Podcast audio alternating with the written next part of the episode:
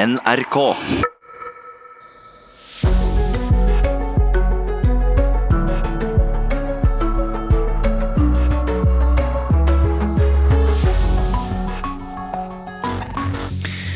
Er mye vi lurer på i dag. Hvordan blir norsk politikk med Fremskrittspartiet i opposisjon? Og hvordan blir regjeringen uten Fremskrittspartiet? Hva skjer de nærmeste dagene, og får vi noen svar i dag på hvem som tar over som statsråder? Spekulasjonene de er iallfall i gang. Og det spekuleres veldig i USA også, for i dag så starter rettsforhandlingene i riksrettssaken mot Donald Trump. Men som man kanskje kunne vente seg, demokratene beskylder republikanerne for å kuppe hele prosessen allerede før forhandlingene er i gang. Ringeriksbanen blir forsinket. Toglinjen som skal forkorte reisetiden mellom Bergen og Oslo, blir ikke klar før i 2028. Og så skal vi på treningsstudio i løpet av den neste halvtimen og se om nyttårsforsettene holder. Tror den ikke blir klar i, 19, nei, i 2028. Ja, så, nei, det var det ikke ble. Den ble ikke, ikke ferdig til 2028. Men så blir den ikke det. Nei, for det var det som var planen. Ja. Nyhetsmorgen får du i dag med Anne Jetlund Hansen, Birger Koserud Jåsund i studio. Ja. De tre gjenværende regjeringspartiene er åpen for samarbeid med de rød-grønne i enkeltsaker, nå som Fremskrittspartiet går ut av regjering. Det kan bl.a. gi en annen klimapolitikk. Jeg håper jo at vi klarer å få til eh, samarbeid som gir bedre miljø- og klimaløsninger. Det er i hvert fall det vi tror at vi skal få til. Det sier Trine Skei Grande, som er leder i Venstre. Arbeiderpartiets leder Jonas Gahr Støre kan gi regjeringa det flertallet de trenger i klimasaker, men har sett klare vilkår. Hvis vi kan få støtte i Stortinget for forslag vi fremmer, eh, for å kutte utslipp samtidig som vi skaffer jobber, for klimagrep som sørger for at dette skjer på en rettferdig måte, så ikke noen blir hektet av og blir, må bære den eh, tyngre bør enn andre, mer rettferdig fordeling i samfunnet, og kan få flertall for det, så skal vi forsøke det. Og dette skal vi selvfølgelig kommentere, om ikke i det vide og det brede, så i hvert fall eh, ganske grundig. Litt etter eh, skal vi se, når er det? Etter klokken sju? Ja. Kommer iallfall Magnus Takvam i studio, skal vi se hva vi får ut av ham. Ja. vi skal videre til USA nå. Der er demokratene rasende og mener at republikanerne prøver å kuppe riksrettssaken mot president Donald Trump. Trump er tiltalt for maktmisbruk og for å ha forsøkt å hindre Kongressens arbeid, og selve rettsforhandlingene starter i Senatet i dag. USA-korrespondent Anders Magnus forklarer hva demokratene er så sinte for. Det er eh, mange ting. Eh, for det første at eh, de får ikke lov til å legge fram sitt vitnemål, altså anklagepunktene mer enn uh, i 24 timer over to døgn. Det betyr at de må holde på tolv timer uh, hver dag. Og fordi høyesterettsjustitiarius John Robert, som leder forhandlingen, ikke kan komme til Senatet før klokken ett, for han har jo andre ting å gjøre i Høyesterett før det, så betyr det at de må holde på langt utover natten. Og eh, Det betyr jo igjen at det er få i det amerikanske publikum som kommer til å følge med på eh, de siste timene. Amerikanere flest legger seg veldig tidlig, så eh, etter klokken ni så er det få som ser på TV. Det andre de er spesielt sinte for, er at det står i disse reglene at Senatet kan nekte å motta bevismateriale fra representanthuset, og de vil ikke heller eh, godta nye bevis. Det betyr at eh, et flertall i Senatet rett og slett kan nekte eh, anklagerne fra Representantenes hus å legge fram noe skriftlig bevismateriale annet enn det Senatet selv vil godta. Det betyr at man f.eks. kan godta bevismateriale som er til gavn for Trump, men ikke det som ikke er til gavn for Trump. Eh, så her kan det bli, eh, selv om alle kjenner for så vidt bevismaterialet, så kan det bli det som blir stående igjen i den offisielle eh, skrivingen fra Senatets side etter at denne saken er over. Og så er det jo andre ting som skjer nå også. Det er jo kamp om å ha vitner. Det skal det stemmes over, sannsynligvis ikke før i neste uke. Men eh, mange republikanere er nå i gang med å forsøke å hindre John Bolton, tidligere sikkerhetsrådgiver, i å vitne. Og hvis han eh, skal vitne, så vil de ha han i en såkalt lukket høring, som eh, publikum, fjernsynspublikum ikke får delta i. Slik at folket ikke skal få høre hva Bolton har å si. Så alle disse tingene mener demokratene er et brudd på slik man bør drive en riksrett rettsprosess, og helt annerledes enn da Clinton ble stilt for riksrett eh, for et par tiår siden. Da var hele Senatet enstemmig enige om eh, hvilke regler som skulle gjelde. Ja, hvordan forklarer eh, republikanerne at det er slik de ønsker å legge opp rettsforhandlingene? Det er jo Senatets leder Mitch McConnell som har lagt fram dette, og han legger ikke skjul på at han synes hele riksrettssaken er eh, noe tull, og at Han bruker jo ikke de ordene, kanskje, men at dette må avgjøres så raskt som mulig. og Slik at man rett og slett får saken ut av verden og får eh, Trump frikjent eh, så raskt som mulig. Hva er det første som skjer når rettsforhandlingene starter i ettermiddag? Det er at uh, anklagerne fra representanthuset, og det er jo demokrater, uh, de såkalte managers, de skal legge fram uh, saken sett fra representanthusets side og forklare disse to tiltalepunktene om maktmisbruk og motarbeiding av Kongressen. Når dette skjer, så får ikke senatorer lov å snakke. De får heller ikke lov til å ha noen elektroniske hjelpemidler inne i salen. Eh, de får bare lov å ha penn og papir, eh, og ikke mobiltelefoner, nettbrett, datamaskiner etc. Sånn at de ikke skal bli distrahert fra det som blir sagt fra talerstolen. Og De får heller ikke lov til å stille spørsmål under forhandlingene eh, muntlig, de må sende spørsmålene skriftlig. Så det er en veldig annerledes type forhandlinger i Senatet enn det man ellers er vant til. Så dette kan nok bli en veldig ny opplevelse for senatorene årene. Så er det mange som har slått fast at vel er lite sannsynlig at Trump blir dømt. Hvorfor er det så viktig for demokratene å gjennomføre denne riksrettssaken? De sier selv at eh, det er ikke noe de har ønsket seg, men det er noe de er nødt til å gjøre for å forsvare Grunnloven, fordi eh, Trump har brutt prinsippene i Grunnloven.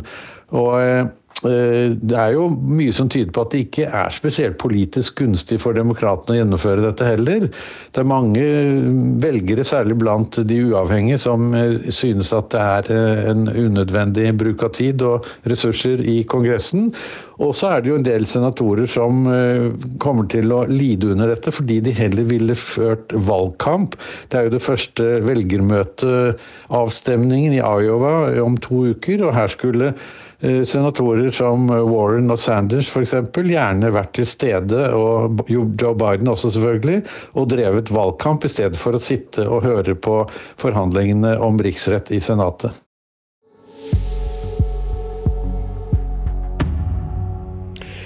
Ja, Da er det klart det mange har fryktet. Ringeriksbanen, som skal forkorte togreisen mellom Oslo og Bergen med en time, og i tillegg være, være, hjelpe alle de som skal eh, jobbe enten i Hønefoss og eh, Oslo. Den blir forsinket. Direktør Morten Klokkersveen i fellesprosjektet Ringeriksbanen E16 sier at banen nok ikke står ferdig til 2028 som planlagt det er urealistisk. Eh, vi har en lang tunnel, og den eh, krever Det er den som er på kritisk linje for å få ferdigstilt prosjektet. Regjeringa har ennå ikke godkjent reguleringsplanen som ble levert i mai. Og det er den klokkersveen i fellesprosjektet Ringeriksbanen E16 venter på. Eh, vi skal først sprenge og gjøre klar tunnelen, og så skal vi inn med jernbaneteknikk. Det tar tid. Eh, så, så fortere vi kan komme i gang med tunnelen, eh, jo raskere får vi ferdig prosjektet. NRK fortalte for ei uke siden at regjeringa sitt ønske om innsparinger på prosjektet, som per i dag er kostnadsregna til nær 33 milliarder kroner, blir møtt med tommelen ned.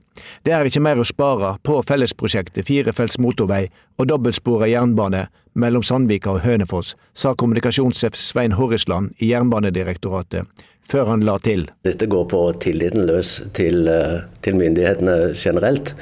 Og det er klart å skape ny usikkerhet om dette vil ikke være tillitsvekkende. Nå er det i det minste sikkert at banen kommer seinere enn planlagt. Også i prosjektledelsen er de fortvila over det, sier Morten Klokkersveen. Vi har jo eh, basert oss på et eh, vedtak langt tidligere. Eh, vi hadde jo håp om å få det rett etter sommerferien. Utsettinga har gått utover motivasjonen blant de ansatte, sier han. Da vi startet, så skulle vi jo begynne å bygge i 2019.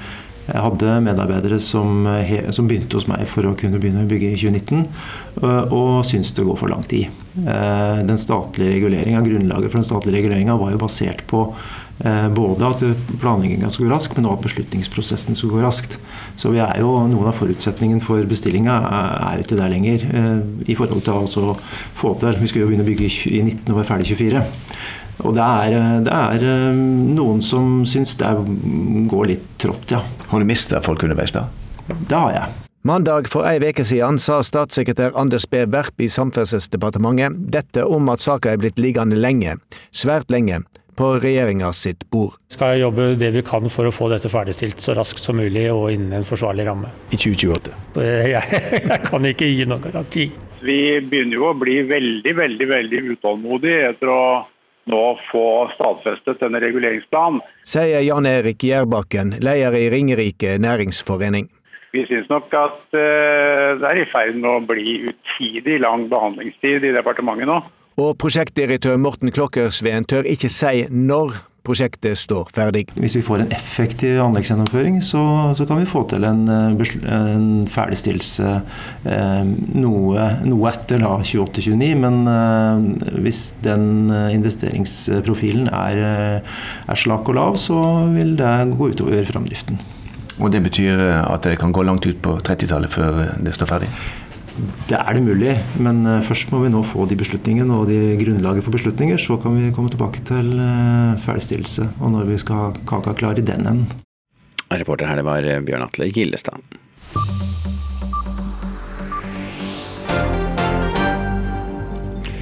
Skal vi se litt på det som skjedde mens du lå og sov? Tre gutter i 16-årsalderen er kjørt til sykehus etter at bilen de kjørte krasjet i en murvegg i Haugesund i natt. Da politiet kom til stedet så én av dem hardt skadd ut, mens de to andre var på beina. Vi vet foreløpig ikke helt hvor skadet noen av de tre guttene er, men bilen er iallfall total vrak. Moren til gutten som kjørte bilen, fortalte politiet at eh, han hadde sagt god natt, tilsynelatende gått og lagt seg, men så stukket av med kameratene sine. Kjørereglene for riksrettssaken i USA ble lagt frem i natt, til demokratenes store protester. Senatets flertallsleder McConnell ønsker at begge partier får tolv timer lange åpningsinnlegg, som pågår til lenge etter at amerikanere flest har lagt seg, og at spørsmålet om hvorvidt de skal føre vitner tas mot eh, slutten av prosedyren. Og Forslaget ble, blir lagt frem til votering i dag, men selv om da demokratene protesterer, så regner man med at forslaget blir vedtatt, eh, siden republikanerne har flertallet i Senatet. Rundt 3000 migranter ble møtt med tåregass på Mexicos grense i natt. Migrantene, som i hovedsak er fra Honduras og El Salvador, prøvde å komme seg over elven mellom Guatemala og Mexico. Både over broen, men mange forsøkte også å gå over den grunne elven. Målet er, nå, er å nå USA i håp om å få jobb og et bedre liv.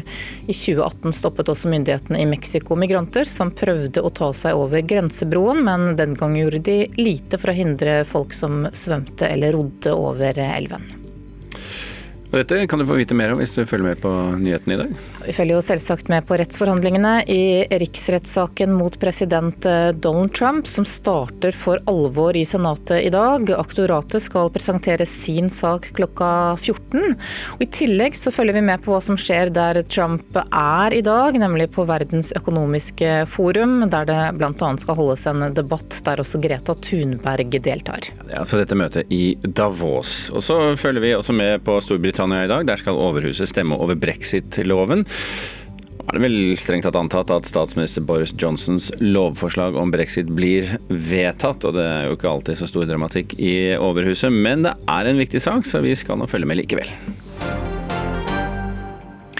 Lederen for musikkensemblet Bit20 i Bergen mener at de bør miste statsstøtte dersom de ikke spiller like mye musikk av kvinner som av menn innen tre år. Kunstnerisk leder for samtidsmusikkgruppen, Trond Madsen, ber politikerne ha like strenge krav til andre kunstinstitusjoner. Let's go again. Den finske dirigenten Tavi Oramo øver inn ny musikk av komponisten Kristine Kjøgersen, sammen med musikerne i Bit 20. Det er slike verk av kvinnelige komponister ensemblet nå har vedtatt at de skal ha mer av. Vi har bestemt oss for at i all kunstnerisk planlegging så er målet vårt eh, kjønnsbalanse. Verken mer eller mindre. Menn og damer tenker både likt og forskjellig. Så eh, man vil få et mye større spenn, tror jeg. I hva tidsperspektiv og hvordan vil vi kunne måle om dere har oppfylt det dere selv har vedtatt med kjønnsbalanse? Jeg håper i løpet av en treårsperiode at vi kan eh, vise til eh, at vi har klart eh, å nå de målene som vi har satt oss. Kunstnerisk leder Trond Madsen håper de kan være et eksempel for andre kunstinstitusjoner. Og vil de ikke løfte fram kvinner i større grad enn i dag, bør de tvinges, mener han. Men jeg håper det at politikerne tør å bare si at ingen penger uten eh, god kjønnsbalanse, rett og slett. Altså, vi er jo veldig glad for at eh, det er flere enn oss som eh, tar likestillingsproblematikk blant komponister og i det skapende musikkfeltet og generelt på alvor. Det sier styreleder Jørgen Karlstrøm i Komponistforeninga. Han forklarer at det i dag bare er kring 20% av de registrerte komponistene som er kvinner.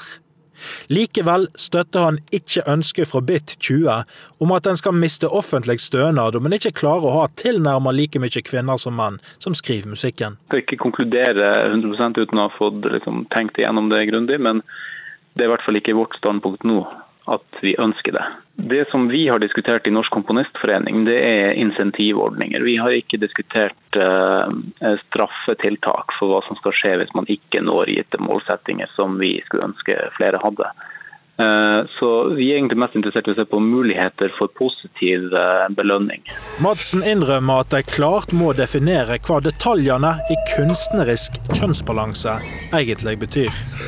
Men Bit20 sier vedtaket deres er forpliktende, og at de bør miste all offentlig støtte om de ikke klarer å nå det. Ja, rett og slett. For hvis det kan bli et kriterium Vi får jo vår, eh, mye av vår støtte fra Kulturrådet f.eks., og Bergen kommune og fylket nå.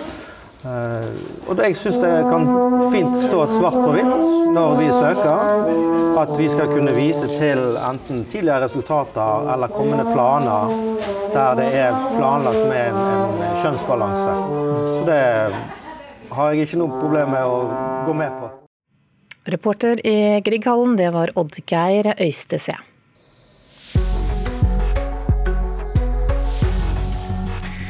6.48 er eh, klokka, du lytter til Nyhetsmorgen, og dette er hovedsakene våre. De tre gjenværende regjeringspartiene er åpen for samarbeid med de rød-grønne i enkeltsaker, når Fremskrittspartiet nå går ut av regjering. Og da er det klart det mange har fryktet. Ringeriksbanen, som skal forkorte togreisen mellom Oslo og Bergen med én time, blir forsinket. Og folk de har ikke tid til å lese bøker lenger, ifølge ny undersøkelse. Så lurer vi jo hvordan det går med nyttårsforsettene nå i slutten av januar, og det skal vi undersøke om ikke så altfor lenge. Men først til håndball-EM. Det er ikke bare de individuelle ferdighetene som gjør at Norge er ubeseiret i mesterskapet. Svenskenes stjerne Kim Ekdal de Rietz mener Norge har bygget en lagkultur tycker att de är mycket längre komna i sin process som, eh, som lag. Att de, eh, det känns som att norrmännen känner varandra betydligt bättre på handbollsplanen än vad vi gjør. Det er en attest Christian Berge setter pris på. Jeg syns det er moro, det. Jeg syns vi har jobba hardt de siste fem årene. Altså. Det er steinhardt. Eh, og ikke minst så har vi det moro sammen, for det er virkelig drivkrafta der her. En ting er sterk lagkultur og mye moro, men det hjelper også å ha Sander Sagosen. Ekdal Durietz er ikke i tvil om at det er verdens beste håndballspiller. Uten tvivel, skulle jeg si. Han er helt fantastisk. Mens klubbkompis Sagosen forhåpentligvis skal fortsette å herje i EM, blir det tidlig exit for Kim Ekdal Durietz. Topp, mener Sagosen. Deilig å få dem hjem til Paris, så de kan trene litt så de kan være fit når, når jeg kanskje mest sannsynlig kommer litt sliten hjem fra mesterskap sa Sander Saggosen. Reporter Anders Werner Øvsti. Og klokka 18.15 møter Norge Island, og den kampen kan du høre i NRK Sport. Og Da tar Nyhetsmorgen steget fra toppidrett til ikke fullt så toppidrett. Eh, vi skal eh, snakke om nyttårsforsetter, fordi mange starter jo det nye året med å trene komme seg i bedre form. Og reporter Knut Erik Solhaug, eh, så vidt jeg forstår så har vi deg med oss fra et treningsstudio akkurat nå. Det høres aktivt ut. Er det, hvordan er stemningen der? Ja, det er akkurat sånn som det skal være på treningssenter. Vi er i gang med en meget populær løpetime. Vent, vent litt, Hvor mye er klokka egentlig? Sa vi treningssenter, og så er klokka ti på sju? Ja, altså Her har det vært åpent snart en time allerede. Og jeg ble meg fortalt idet jeg kom inn døra her, at her er det en eh, sånn 15-20 stykker som står i kø hver morgen før klokka seks. Så her er folk uh, ivrige. Jeg er inne i Sats uh, Lillestrøm i jeg kaller det løperommet. Ja. Det er en 30 tredemøller alt i alt rundt, tenker jeg. Og de aller fleste er opptatt. Dette er en meget populær løpetime som er i gang. Instruktøren gir sine beskjeder til deltakerne. Og rommet er fylt av eh, lyd med bein som treffer tredemølle, og ikke minst passende treningsmusikk. Aina Østengen er en av de som deltar på timen her. Åssen er det med pulsen nå? Jo, den begynner å komme seg. Men nå hoppa jeg, for jeg visste jeg skulle snakke med deg. du, eh, hvor mange er det her, eh, tror du, som eh, nå er her fordi de bestemte seg før nyåret eh, jeg skal bli flinkere til å trene? Jeg tror ikke det er så mange, for jeg ser nesten bare de faste. Men eh, for det, morgentimene er veldig populære. Så jeg tror ikke det er så mange, men er det noe nye her? Vi smiler jo og er så glade, vet du, så da fortsetter de med dette. Aina er en del av noen som kaller seg Gullrekka, for de er ivrige. De er her uh, ofte. Og da vil jeg jo tro at dere har god oversikt også over uh, hvor mange som etter hvert da faller av, uh, som da starter på nyåret. Ja, det er, det er faktisk en del. Det er bestandig veldig fullt nå i januar, og så dabla i februar. Så, eh, men eh, sånn er det jo. Men eh, jeg skulle jo ønske at de fortsatte, for det gir veldig mye. Hva var det som fikk deg til å starte, da? Hva sa du? Hva var det som fikk deg til å starte? Mas fra en kollega som mente at jeg trengte å trene. Og så disse tre, altså de som står på sidene mine her.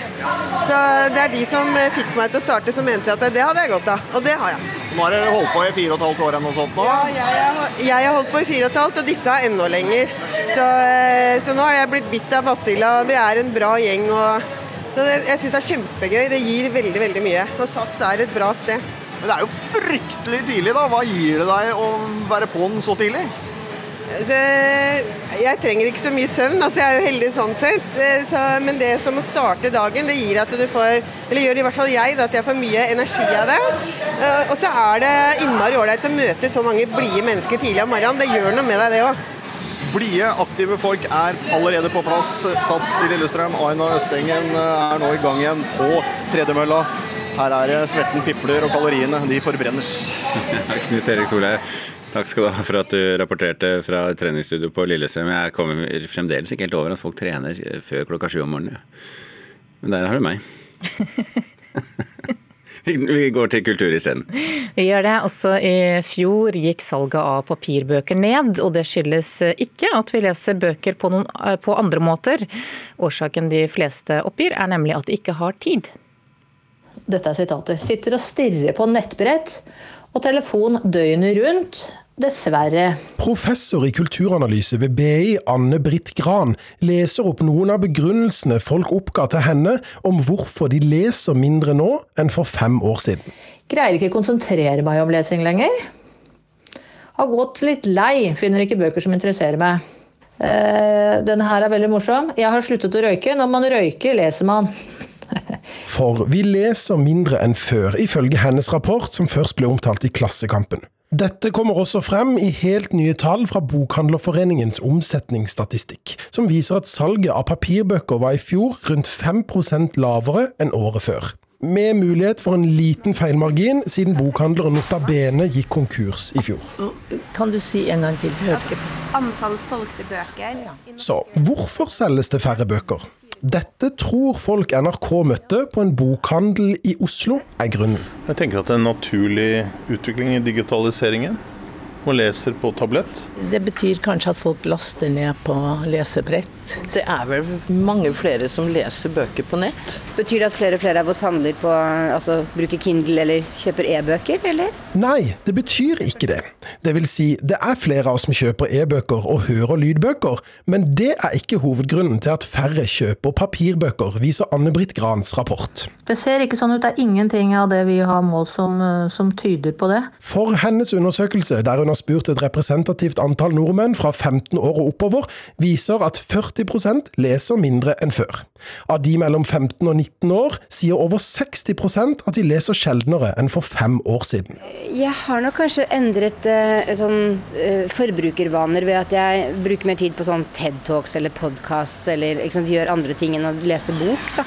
Denne gangen er folka vi møtte på bokhandelen inne på noe. Ja, folk har vel øh, nok med Netflixen sin da, og HBO og disse strømmetjenestene, sannsynligvis. Ja, mangel på tid til å lese er svaret, ifølge Gran. 63% sier at de prioriterer bort lesing som følge av tidsnød.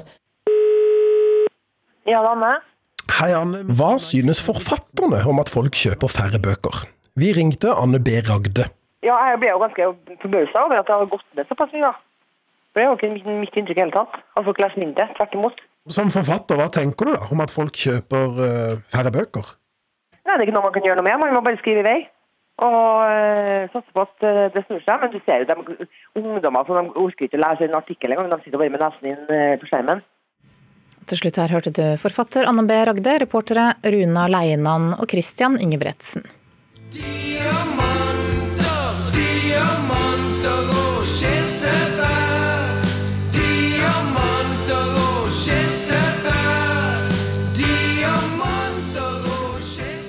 Det er vel ingen stor overraskelse at dette er låta 'Diamanter og kirsebær'. Skrevet av eh, Jon Olav Nilsen, fremført av Jon Olav eh, Nilsen.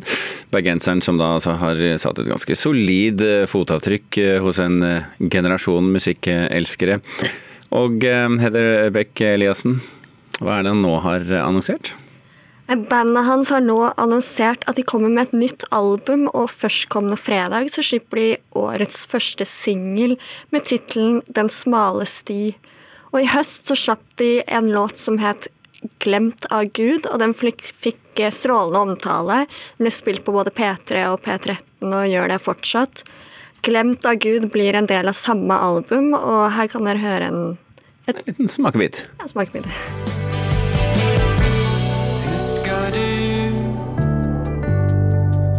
Gutten som ble glemt av Gud? Hans vrangforestillinger går nå for utsolgte hus. For de som ikke er eh, i aldersgruppen eh, Jon Olav Nilsen-fans, eh, kan du fortelle litt hvem han er? Han er kjent for sine tekster og sanger som bl.a. 'Diamanter og kirsebær', som dere hørte tidligere eh, i sted. Og 'Hull i himmelen', 'Bensinbarn' og 'Nesten som vi lever' og flere andre låter. Bandet spiller en blanding av det man kan kalle pop, rock, soul, men selv så kaller de for gatepop. Mm. Og um, mange, spesielt bergensere, vil si at han står bak evige klassikere i norsk musikkhistorie.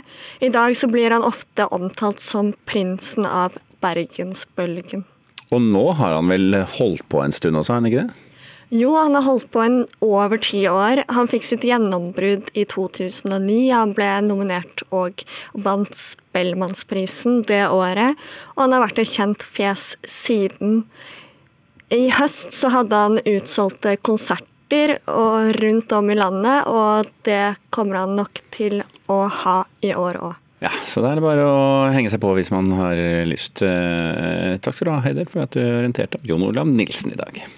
Klokka nærmer seg sju. Det betyr at vi straks skal få Dagsnytt med Anders Borgen Werring. Og etter det skal vi bl.a. snakke mer om alt det som skjedde i går, og hvilke konsekvenser dette kan få for norsk politikk, for regjeringa og for de som er i opposisjon. Og Vi kommenterer jo ofte vi i mediene sånn fortløpende mens ting skjer omtrent, og det er godt å få et lite døgn imellom for å uh, få litt overblikk. Og selv om uh, Magnus Takvam hos oss er en av Norges beste politiske kommentatorer, så også han kan uh, se ting på en litt annen måte, bare han får et døgn imellom. Så etter klokka sju, med andre ord.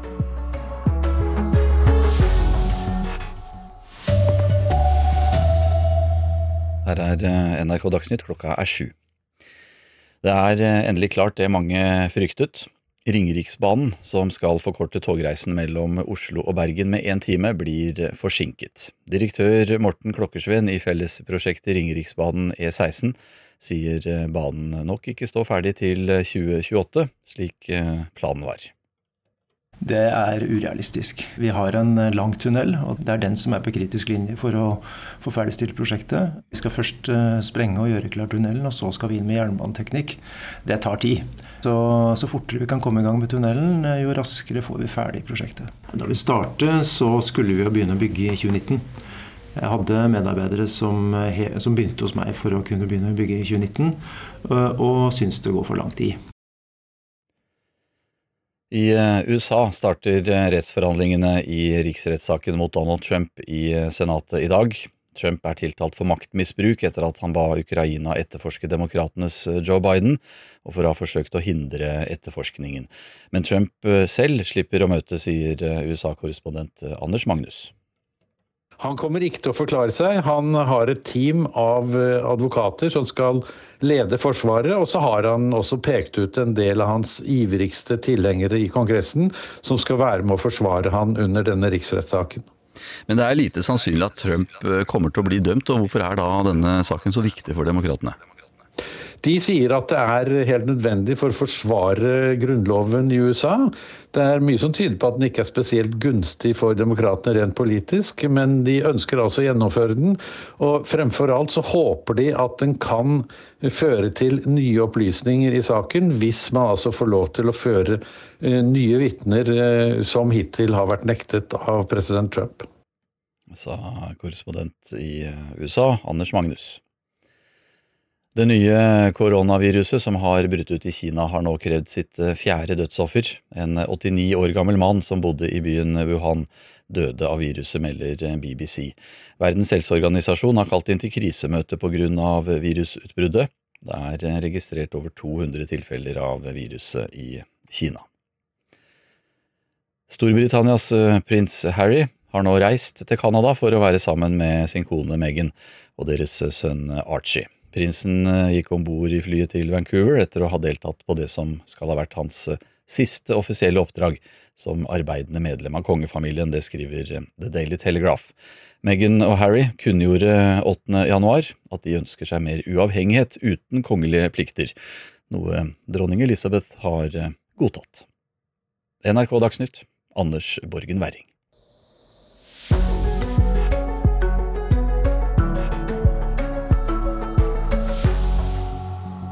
Klokka er 7.03. Nyhetsmorgen fortsetter med disse sakene. Byrådet i Oslo håper regjeringens holdning både til E18 og den omstridte bompengeavtalen blir annerledes når Frp nå er ute av regjeringen. Det skal vi snakke mer om den eh, neste halvtimen. Og så skal du også få høre om Donald Trump og Greta Thunberg, som begge er i Davos i dag. Spørs om de møtes sånn ansikt til ansikt, men vi får nå se. Eh, de skal i hvert fall være der sammen med verdens rike og mektige i, i dette økonomiske forumet som pågår i disse dager. Og folk har ikke lenger tid til å lese papirbøker, det viser en undersøkelse. Som vi skal snakke mer om i den neste halvtimen her i Nyhetsmorgen. Eller halvtimen etter. Eller halvtimen etter. Alt ettersom. Uansett, eh, nå skal vi snakke om det rød-grønne klimasamarbeidet som kanskje er på trappene. De tre gjenværende regjeringspartiene utelukker i hvert fall ikke samarbeid med de rød-grønne i enkeltsaker, nå som Fremskrittspartiet går ut av regjeringen. Og det kan bl.a. gi en annen klimapolitikk. Jeg håper jo at vi klarer å få til eh, samarbeid som gir bedre miljø- og klimaløsninger. Det er i hvert fall det vi tror at vi skal få til. Det sier Trine Skei Grande, som er leder i Venstre. Arbeiderpartiets leder Jonas Gahr Støre kan gi regjeringa det flertallet de trenger i klimasaka, men har sett klare vilkår. Hvis vi kan få støtte i Stortinget for forslag vi fremmer, for å kutte utslipp samtidig som vi skaffer jobber, for klimagrep som sørger for at dette skjer på en rettferdig måte, så ikke noen blir hektet av og blir, må bære den eh, tyngre bør enn andre, mer rettferdig fordeling i samfunnet, og kan få flertall for det, så skal vi forsøke det. Generelt er Ap-lederen lunken til utsiktene for et godt samarbeid med regjeringa. Erfaringen med denne regjeringen og samarbeid mot Stortinget er ikke særlig god. Eh, det er fortsatt en regjering som har flertall med Fremskrittspartiet, og jeg tror de kommer til å finne løsninger seg imellom. Men med Fremskrittspartiet så kommer det til å stilles flere krav fra Stortinget, og det trekker politikken i en annen retning enn den vi eh, står for. Statsminister Erna Solberg holder døra åpen for de rød-grønne, selv om hun i første omgang vil søke samarbeid med Frp. Men det er klart hvis de ikke vil være med på ting, så må vi gjøre akkurat som Høyre og Frp gjorde da vi eh, forhandlet med KrF og Venstre i Stortinget. Vil ikke de, så er det mulig å gå andre veier. Frp-leder Siv Jensen sier at de vil styre på bakgrunn av eget program, og ikke Granavolden-plattformen de var med på laget for et år siden. Fremskrittspartiet går nå tilbake til eh, opposisjonsrolle i Stortinget, hvor vårt mål er å få gjennomført mest mulig av vår politikk. At Frp går ut av regjeringa gir nye muligheter, sier KrF-leder Kjell Ingolf Ropstad. Han trekker frem Arbeiderpartiet som en mulig samarbeidspartner. Vi kommer til å bli en mindretallsregjering, en sentrum-høyre-regjering, som i utgangspunktet da kan samarbeide begge veier. Eh, og Det gir jo òg noen muligheter for å kunne få gjennomslag på andre saker enn det vi har hatt muligheten til nå. Venstrelederen sier at det beste er å ta vare på et godt borgerlig samarbeid. At Fremskrittspartiet ikke ønsker å stå på de eh, gjennomslagene de fikk på Granevolden, eh, så må jo vi som regjering sørge for å få flertall eh, gjennom andre samarbeidskonstellasjoner. Eh, nå er det vel sånn at Erna Solberg har eh, stort sett vært i mindretallsregjering eh, helt siden det begynte på, så det er vel den normalen vi skal tilbake igjen nå, og ikke unntaket. Reportere her det var Fredrik Kampevold og Astrid Randen. Politisk kommentator her i NRK, Magnus Takvam, god morgen. Normalen kaller Trine Skei Grande det. Hvordan kommer vi til å merke på regjeringens politikk at Frp er ute? Ja, Normalen vil jeg kanskje si er, er om et, et, omdiskutert begrep i denne sammenheng. Det var jo tross alt en historisk beslutning i går på den måten at et parti forlater regjeringen og statsministeren fortsetter med de gjenværende partiene. Eh, og det er klart at det skaper jo en usikkerhet om styringsforholdene i Stortinget for den mindretallsregjeringen, som vi rett og slett må vente litt med å se hvordan, hvordan eh, både regjeringen opptrer i forhold til det, og hvordan Frp opptrer. Eh, så det er Det vil vise seg, rett og slett. Det er klart at når man styrer på den tidligere eh, regjeringsplattformen videre. Granavolden og Frp kommuniserer at de i hvert fall på flere punkter har eh, håp om større gjennomslag utenfor regjering enn eh, innenfor. Eh, så, så, er det, så er det eh, ganske offensivt utgangspunkt som, som vi ikke vet svaret på. Så sa jo også Siv Jensen i går at de vil jo fortsatt ha Erna Solberg som statsminister. Eh, vil du si at det er en sterk eller en svak mindretallsregjering vi får nå? Jeg vil si mindretallsregjeringen har en krevende posisjon. Eh, særlig eh, usikkert er det selvfølgelig i forhold til budsjett, budsjettene. Der de er helt avhengig av Fremskrittspartiet for å kunne styre videre. Og Spørsmålet er eh, hvordan da eh, den trepartiregjeringen legger seg når de kommer med et budsjettforslag. Eh, ikke sant? Hvordan de designer det budsjettet. Vil de på en måte rendyrke sin egen sine egne hjertesaker, Venstre og KrFs hjertesaker, med fare for å provosere Frp. I det hele tatt så er det en ganske krevende jobb for, for regjeringen å komme med et budsjettforslag som, som, som, skal gå gjennom i Stortinget nå. Mm, så vet du at mange i, både i KrF og i Venstre ikke har vært så begeistret for, for, å sitte i regjering med Fremskrittspartiet. Er det også ulemper for dem nå, når, de, når Fremskrittspartiet trekker seg ut? Ja, det er eh, klart at de har jo allerede tatt en veldig belastning internt i sine to partier ved å gjøre det valget de gjorde med å gå inn i en regjering der Frp eh, var med den gangen. Slik at de, de er nå på en måte skadeskutt med i regjeringen pga. den forhistorien. Og det er ikke uten videre enkelt å gjenreise seg på, på, med det utgangspunktet, vil jeg, vil jeg si. F.eks. i KrF så er det klart at den delen av partiet mm, som, som tapte, ikke uten videre nå kommer løpende tilbake eh, til en regjering som, som styrer på FrPs nåde. Hva skjer nå de nærmeste dagene? Nei, nå er det internt i, eh, i regjeringen eh, det skjer. Og det vi venter på er hvor mange når statsråd kommer, der de nye statsrådene blir eh, oppnevnt, eh, hvor fort det kommer til å skje, og, og hvilke omgrupperinger av departementer osv. Erna Solberg gjør, og fordelingen, fordelingen av postene osv. Det, det er liksom på kort sikt det, det alle venter på. Ja, vi ser jo at spekulasjonene allerede er i gang. Har vi noe informasjon om hvem som kan være aktuelle? Ikke, ikke, sånn veldig tung informasjon, det har vi rett og slett ikke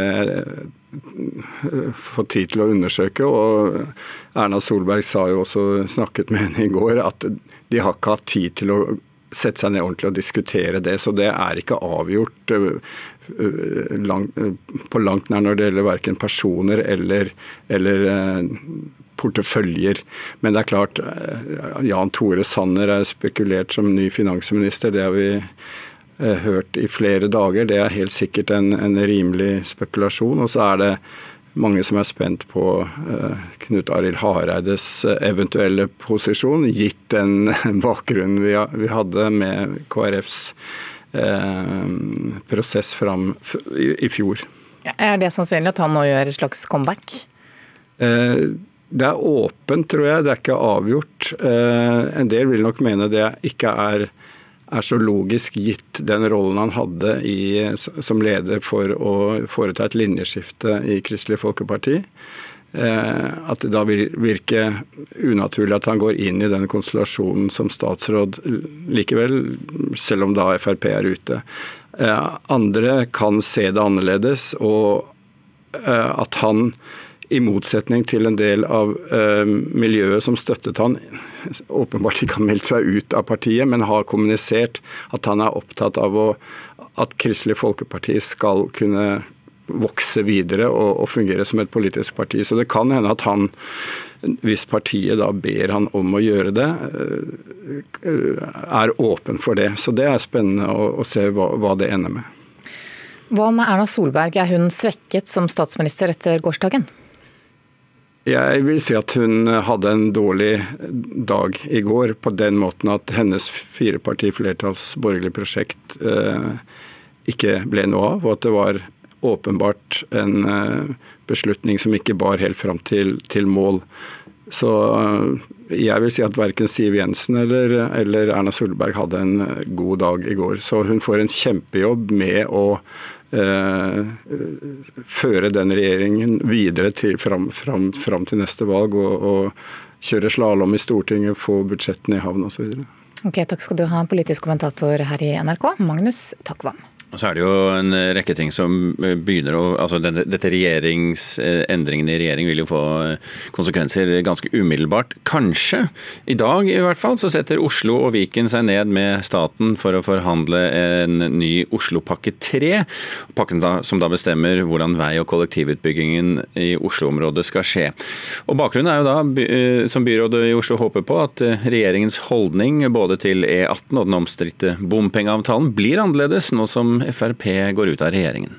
Jeg tror at dette er veldig gode nyheter for eh, Oslo og Viken. Eh, og jeg tror at eh, vi kommer til å se andre toner fra samferdselsministeren når Frp nå går ut av kontorene. Det sier Oslos miljø- og samferdselsbyråd Arild Hermstad fra MDG. Han håper staten er mer lydhør overfor lokalpolitikernes ønsker, når samferdselsministeren ikke lenger kommer fra Fremskrittspartiet. Vi ser frem til å forhandle, men vi ser ikke minst frem til å få en minister som ikke bare skal dytte på oss masse motorveier som vi ikke vil ha, samtidig som han trenerer viktige kollektivprosjekter. Men f.eks. E18 Vestkorridoren er like viktig for Høyre som Fremskrittspartiet? Spørsmålet er jo den varianten som eh, Dale har prøvd å få gjennom. Arild Hermstad tror sjefsskiftet i Samferdselsdepartementet vil påvirke forhandlingene om vei- og kollektivpakken på flere måter. Han håper staten vil skrote den omstridte bompengeavtalen og bevilge friske penger uten å kreve mindre bompenger til gjengjeld. Ifølge avtalen skal Oslo-området få fem milliarder kroner ekstra over ti år. Halvparten skal brukes på kollektivtransport, den andre halvparten på å senke bomtakstene. Vi skal altså motta en nokså beskjeden sum, og samtidig frata oss sjøl muligheten til å nå klimamålene våre og nå trafikkreduksjonsmålene. Så vi mener at den bompengeavtalen nå bør skrotes. Men så lenge tilbudet i bompengeavtalen fortsatt står, bør lokale myndigheter takke ja, mener NAF. Senior kommunikasjonsrådgiver Ingunn Handagard viser til den store pengemangelen i Oslopakke 3, som NRK fortalte om i går. Det vil bety om lag to og en halv milliard kroner ekstra til kollektivutbygging i Oslo og Viken, eh, og reduserte bomtakster. Nå mener jo byrådet at det vil føre til mer trafikk, og derfor så kan de ikke si ja til avtalen. Hva tenker NAF om det? Vi deler ikke bekymringen for at eh, dette vil bety en massiv økning i biltrafikken i Oslo. Over flere år så har vi sett at eh, folk gjør det som byrådet faktisk ønsker. De setter fra seg bilen og bruker heller kollektiv. Det var Ingunn Handagard i NAF du hørte her. Reporter det var Olav Juven. Det er ikke så naturlig når Politisk kvarter, vårt faste debattprogram på morgenen, skal på lufta. Da er dette tema programleder Astrid Randen. Ja, sjølsagt er det det. Og til meg så kommer Frp-nestleder Sylvi Listhaug, og enn så lenge olje- og energiminister noen dager til. Også nestleder i Høyre, Bent Høie. Og vi skal snakke litt om hvordan det nye samarbeidet mellom Frp og regjeringa skal bli. Et Frp med stort markeringsbehov sitter i Stortinget og kan sette stopper for en del av regjeringas eh, politikk. Men som jeg hørte Ropstad fortelle om tidligere, altså KrF-leiren fortelle om tidligere her i Nyhetsmorgen, så uh, sa han at regjeringa kan søke flertall med de andre opposisjonspartiene i Stortinget, og kanskje få gjennom noen nye saker. Spørsmålet er hva gjør Frp da? Er de da villige til å støtte regjeringa sitt budsjett om regjeringa vil kjøre slalåm i Stortinget og shoppe flertall der det passer deg? Vi skal prøve å få noen svar i Politisk kvarter. Ok, Det er altså klokka 7.45 om en eh, liten halvtime.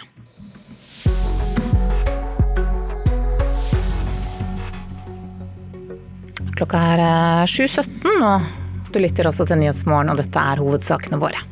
Arbeiderpartiet og Senterpartiet holder døra så vidt på gløtt for å samarbeide i enkeltsaker i Stortinget med en regjering bestående av Høyre, Kristelig Folkeparti og Venstre.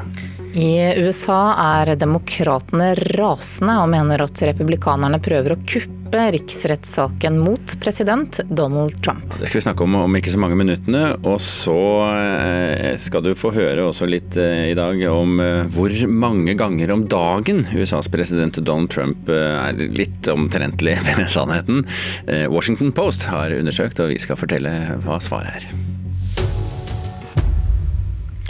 Men i dag så samles jo mange av verdens rike i den lille alpefjellbyen Davos til årets utgave av Verdens økonomiske forum. Og på plass i Davos for oss, økonomikommentator Cecilie Langum Becker. God morgen, Cecilie. God morgen. Hva er eh, hovedtemaet i år, hvis vi kan si eh, at det finnes noe sånt? Ja, det er, tro det, det er ikke det norske regjeringssamarbeidet, men det er noe helt annet. Det, er, eh, det må sies å være klima eh, i år, når forumet har i år 50-årsjubileum. Og da er det sånn at eh, Hvert år så identifiserer man de, de, største risikofaktorene for verdensøkonomien. og I år så er det som topp fem er miljø og klima. Det er første gang i historien at hele topp fem på denne listen handler om miljø og klima. Hva forteller det om verdens økonomiske status? Altså, mange vil jo si at det er på overtid også at, at, eh, at man velger klima som, eh, som tema. Men um, det er jo sånn at, sånn at klima og bærekraft har jo stått veldig sentralt tidligere i år også, men i år tar klima mye mer plass. Og de vi har snakket med her nede i går, sa at det har tatt tid å få dette her ordentlig inn på programmet, og at denne møteplassen har historisk vist seg å ligge et par-tre år etter et stort skifte har skjedd, så man må se det litt i lys av det. Så verden har jo kommet dit at dette er på toppen av agendaen, og så har World Economic Forum eh, kanskje vært litt treige med å få dette her inn helt sånn eh, på topp, men nå er det der. Men Hva kan komme ut av at verdens rike kommer til Davos og diskuterer dette i noen dager? Ja, jeg tror at det, det, er det veldig mange som lurer på. Eh, man tenker det jo selv også. Er dette bare eh, diskusjoner som man får presset på seg, tredd nedover hodet? Eh, er dette grønnvasking? Eh, er dette noe bedrifter og toppledere sitter og snakker om uten å gjøre, egentlig gjøre noe? Eh, og For noen så, så, er det jo selvfølgelig slik, men de jeg snakker med, og kanskje de som er litt yngre enn de man tradisjonelt kanskje forbinder med et sånt toppmøte, de sier at noe faktisk er i ferd med å sette seg. Og Det er jo fordi det presser seg frem. Det er vanskeligere for bedrifter og ledere å gjemme seg eh, for dette her. Jeg har snakket med folk som, som, sier at dette er noe som presser seg frem, enten man liker det eller ikke. Kundene stiller krav, leverandørene stiller krav. Bankene stiller jo krav for at man skal få bedre eh, rentebetingelser. Så, så hvert år så har man da kommet et steg videre i denne diskusjonen, i hvert fall. Mm, og nå Om en times tid så skal Greta Thunberg være med i eh, debatt. Er dette en form for eh, selvpisking fra de rikes side? Ja, det kan, det, det kan, du nesten uh, si. Uh, men altså, mange er jo genuint interessert her i å gjøre en uh, forskjell. jeg møtte flere i går som på en måte, når du snakker med dem, de som, som, brenner ordentlig for det, og som er i en posisjon eh, til å få gjort noe. Så, så det er jo ganske, ganske flott å se.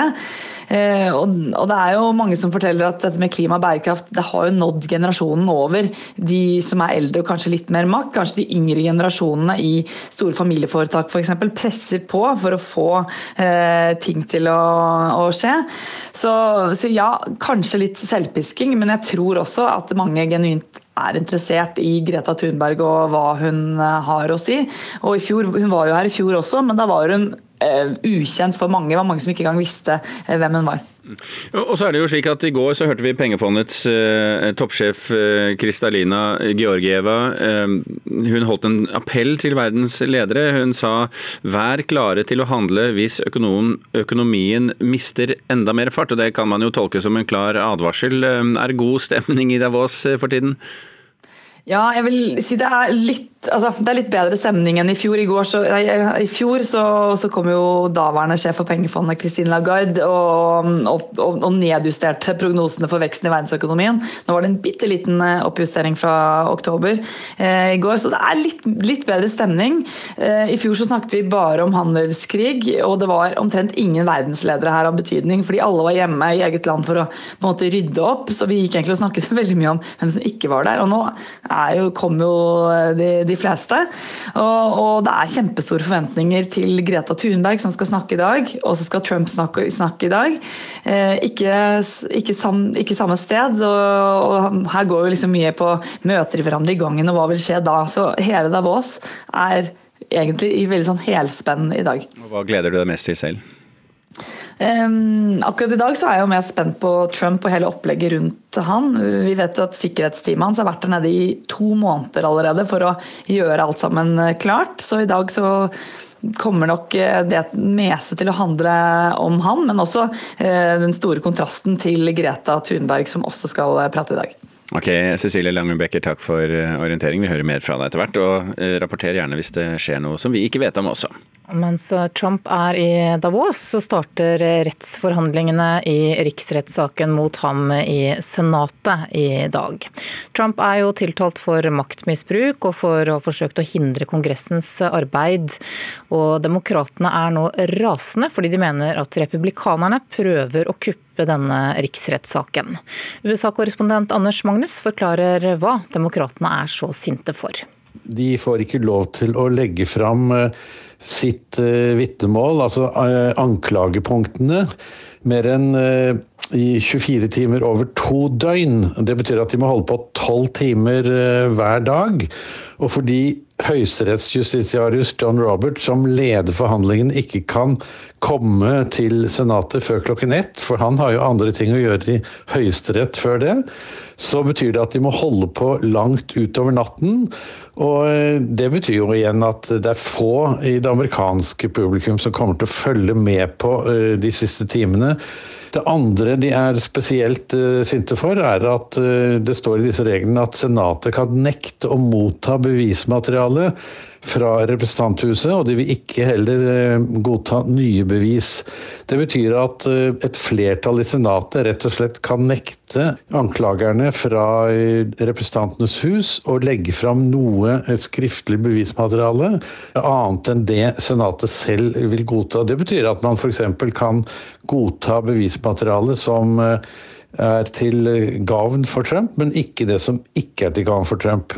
Så her kan det bli, selv om alle kjenner for så vidt bevismaterialet, så kan det bli det som blir stående igjen i den offisielle skrivingen fra Senatets side etter at denne saken er over. Hvordan forklarer republikanerne at det er slik de ønsker å legge opp rettsforhandlingene? Det er jo Senatets leder Mitch McConnell som har lagt fram dette, og han legger ikke skjul på at han synes hele riksrettssaken er noe tull, og at Han bruker jo ikke de ordene, kanskje, men at dette må avgjøres så raskt som mulig. og Slik at man rett og slett får saken ut av verden og får Trump frikjent så raskt som mulig. Rapporterte altså USA-korrespondent Anders Magnus. Og Trump er ikke alltid så presis i sin omgang med sannheten. Enkelte påstår til og med at han lyver så det renner. Og nå er det også dokumentert. Washington Post har satt en egen redaksjon på saken, og de har altså funnet 16 000 241 usannheter eller løgner fra presidenten. Og hvis vi regner om dette her til hvor mange dette er per dag, så er det altså 22 om dagen. Utenriksmedarbeider Tom Christiansen, du har sett på dette her. Ja, er det mulig? Ja. Eh, Washington Post har nedsatt en Pinocchio-redaksjon for å lage Pinocchio-lista. Altså det er han som nesa, nesa vokser. vokser når han lyver. I i 2017 så løy Trump 2000 ganger. Året etter løy han 6000 ganger. Og i fjor satte han rekorden. Da var han oppe i 8000 løgner i løpet av fjoråret. Det er altså eh, direkte løgner, usannheter, men det er også overdrivelser, villedende formuleringer og stadige gjentagelser. Og når du spør om det er mulig, så er det det, fordi at han prater jo hele dagen og tvitrer jo hele natta. Så da får du tid til å lage 22 løgner. Mange av disse løgnene er de samme hele tiden, riktignok. Ja, hva, slags, hva er det han lyver om? Ja, Han snakker altså om muren sin f.eks. til Mexico. Han har ikke bygd noen mur til Mexico. Det, det, som er der, er en gammel mur, og som det fikses på. Så det er ikke laget noen ny mur. Han eh, kommer med feil opplysninger om eh, handelsavtaler man har med forskjellige land. Han sier også f.eks. at aldri har økonomien vært så god som den er nå. Men det er jo feil, for både under Eisenhower, Lyndon B. Johnson og Clinton så var økonomien bedre. Han sier også han har hatt de største skattekutt i USAs historie, men den rekorden er det Reagan som har. Så sånne feil er det. Men når jeg har sett litt nærmere eh, på det, eh, så er det jo litt gjenkjennelig fra norsk politikk. da. Altså der, Vi har jo politikere som maler seg vakkert snakker i media og sminker økonomiske resultater og egen framgang, slik at det er mange nordmenn som ville kunne kjenne seg igjen i deler av det. Mange av løgnene knytter seg også til eh, affæren i Ukraina, altså hvor han har presset regjeringen til å sette i gang etterforskning mot Joe Biden og hans sønn eh, for å påvirke det amerikanske valget. Der har han gjort ting som han nå står i retten for, men også her har han løyet sammenhengende hele tiden om hva som har skjedd og hva som ikke har skjedd.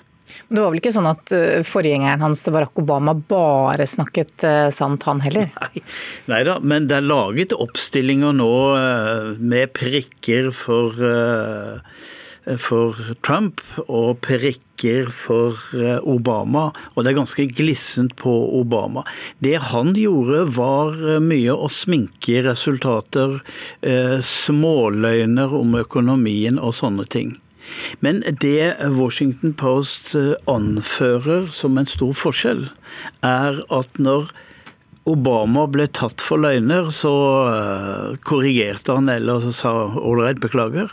Men Trump går jo til angrep på de som angriper han, og de som har vist at eh, tallene hans er feil. F.eks. alle varslere som har, har, påpekt eh, feil han har gjort, de er jo blitt æreskjelt av, eh, av Trump. Mm. Kan hende det er mange som er glade for at det, ingen, at det ikke er noen som setter seg ned og teller hvor mange ganger vi alle lyver i løpet av en dag. Takk skal du ha, Tom Christiansen.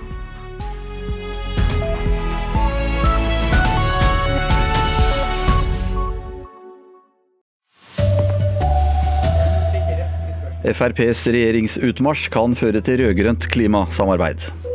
I dag starter riksrettssaken mot Donald Trump. Folk eh, har ikke tid til å lese papirbøker lenger, ifølge en undersøkelse. Her er eh, NRK Dagsnytt, klokka er 7.30. Eh, Regjeringspartiene er åpne for samarbeid med de rød-grønne i enkeltsaker, nå når Fremskrittspartiet går ut av regjering. Det kan bl.a. gi mer klimapolitikk. Jeg håper jo at vi klarer å få til eh, samarbeid som gir bedre miljø- og klimaløsninger. Det er i hvert fall det vi tror at vi skal få til. Det sier Trine Skei Grande, som er leder i Venstre. Arbeiderpartiets leder Jonas Gahr Støre kan gi regjeringa det flertallet de trenger i klimasaker, men har sett klare vilkår. Hvis vi kan få støtte i Stortinget for forslag vi fremmer, eh, for å kutte utslipp samtidig som vi skaffer jobber, for klimagrep som sørger for at dette skjer på en rettferdig måte, så ikke noen blir hektet av og blir, må bære den eh, tyngre bør enn andre, mer rettferdig fordeling i samfunnet, og kan få flertall for det, så skal vi forsøke det. Generelt er Ap-lederen lunken til utsiktene for et godt samarbeid med regjeringa. Erfaringen med denne regjeringen og samarbeid mot Stortinget er ikke særlig god. Eh, det er fortsatt en regjering som har flertall med Fremskrittspartiet, og jeg tror de kommer til å finne løsninger seg imellom. Men med Fremskrittspartiet så kommer det å stilles flere krav fra Stortinget, og det trekker politikken i en annen retning enn den vi uh, står for. Statsminister Erna Solberg holder døra åpen for de rød-grønne, selv om hun i første omgang vil søke samarbeid med Frp. Men det er klart hvis de ikke vil være med på ting, så må vi gjøre akkurat som Høyre og Frp gjorde da vi eh, forhandlet med KrF og Venstre i Stortinget. Vil ikke de, så er det mulig å gå andre veier. Frp-leder Siv Jensen sier at de vil styre på bakgrunn av eget program, og ikke Granavolden-plattformen de var med på laget for et år siden. Fremskrittspartiet går nå tilbake til eh, opposisjonsrolle i Stortinget, hvor vårt mål er å få gjennomført mest mulig av vår politikk. At Frp går ut av regjeringa gir nye muligheter, sier KrF-leder Kjell Ingolf Ropstad. Han trekker frem Arbeiderpartiet som en mulig samarbeidspartner. Reportere her Fredrik Kampevold og Astrid Randen. Jeg er politisk kommentator her i NRK, Magnus Takvam. Eh, det kan altså bli mange nye måter å samarbeide på nå, både for eh, regjering og opposisjon. Hvor sannsynlig er et rød-grønt eh, klimasamarbeid, som vi hører om her? Ja, det er klart På klima- og miljøområdet så eh, har jo Frp i den nåværende, eller nåværende regjeringen, den har ikke blitt eh, endret formelt enda, eh, vært fløyen, vært på ytterfløyen. Slik at det er logisk ut fra mer tyngdelovene i politikken at eh, denne nye situasjonen vil flytte miljø- og klimapolitikken i sum kanskje noe mer i grønn retning. Eh, så, så det er absolutt en interessant eh, mulighet som, som åpner seg der. Samtidig eh, så er det klart at på den rød-grønne siden så er det også stort internt sprik i klima- og miljø på miljøfeltet. Og det tilsier at hvis man skal samarbeide f.eks. med Arbeiderpartiet, la oss si om Barentshavet, iskanten osv., så vil åpenbart f.eks. Miljøpartiet De Grønne og jeg tror også SV da vanskelig kunne være med i et sånt eh, kompromiss. Så det er eh, konflikter på begge sider fremdeles av, av den streken. Så er jo også spekulasjonene gått i gang da, rundt hvem som eh, skal overta FrPs statsrådsposter nå. Hvilke navn er det naturlig å peke på? Det er tidlig. altså Erna Solberg hadde, sa i går, da spurte henne at de ikke hadde sett, satt seg ned og diskutert det ennå, men det er jo klart det er mange navn i spekulasjonene av eh, både potensielle Høyre-folk og, og, i de to sentrumspartiene. Jan Tore Sanner, Tina Bru, Henrik Asheim er ofte nevnt fra Høyre. Det er en interessant diskusjon om Knut Arild Hareide eventuelt kan bli statsråd, gitt den forhistorien han hadde som leder for eh, en del av KrF som ville skifte side. Akkurat det spørsmålet tror jeg er helt åpent. Man kan ikke utelukke at han går inn i, i regjering. For han har også signalisert at han eh, ser det som en oppgave å, å, å, bidra til å styrke KrF, slik at ikke de, de eh, forvitrer videre. Så det er et spennende moment de neste dagene. Spennende politiske dager framover. Takk skal du ha, politiske kommentator her i NRK, Magnus Takvam. Og så er det endelig klart, det mange har fryktet. Ringeriksbanen, som skal forkorte togreisen mellom Oslo og Bergen med én time, blir eh, forsinket. Direktør Morten Klokkersveen i fellesprosjektet Ringeriksbanen E16 sier banen ikke blir ferdig til 2028.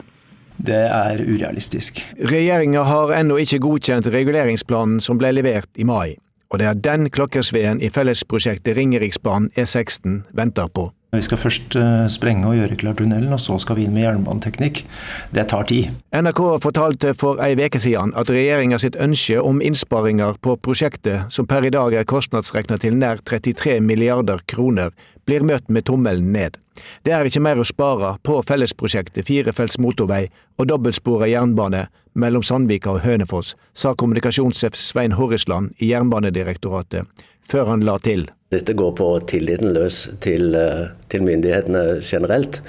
Og det er klart Å skape ny usikkerhet om dette vil ikke være tillitvekkende. Nå er det i det minste sikkert at banen kommer senere enn planlagt. Også i prosjektledelsen er de fortvila over det. Jeg hadde medarbeidere som, som, begynte hos meg for å kunne begynne å bygge i 2019, og syns det går for lang tid. Eh, den statlige reguleringa, Grunnlaget for den statlige reguleringa var jo basert på både at planlegginga skulle gå raskt, men også at beslutningsprosessen skulle gå raskt. Så vi er jo, Noen av forutsetningene for bestillinga er jo ikke der lenger. Vi begynner jo å bli veldig veldig, veldig utålmodige etter å nå få stadfestet denne reguleringsplanen. Sier Jan Erik Gjerbakken, leder i Ringerike næringsforening. Det er i ferd med å bli utidig lang behandlingstid i departementet nå. Reporter her, Bjørn Atle Gildestad. I eh, USA starter eh, rettsforhandlingene i eh, riksrettssaken mot Donald Trump i Senatet i dag. Trump er tiltalt for maktmisbruk etter at han ba Ukraina etterforske demokratenes Joe Biden, og for å ha forsøkt å hindre etterforskningen. Demokratene ønsker å kalle inn en rekke vitner, men det er slett ikke sikkert de skal forklare seg, sier USA-korrespondent Anders Magnus.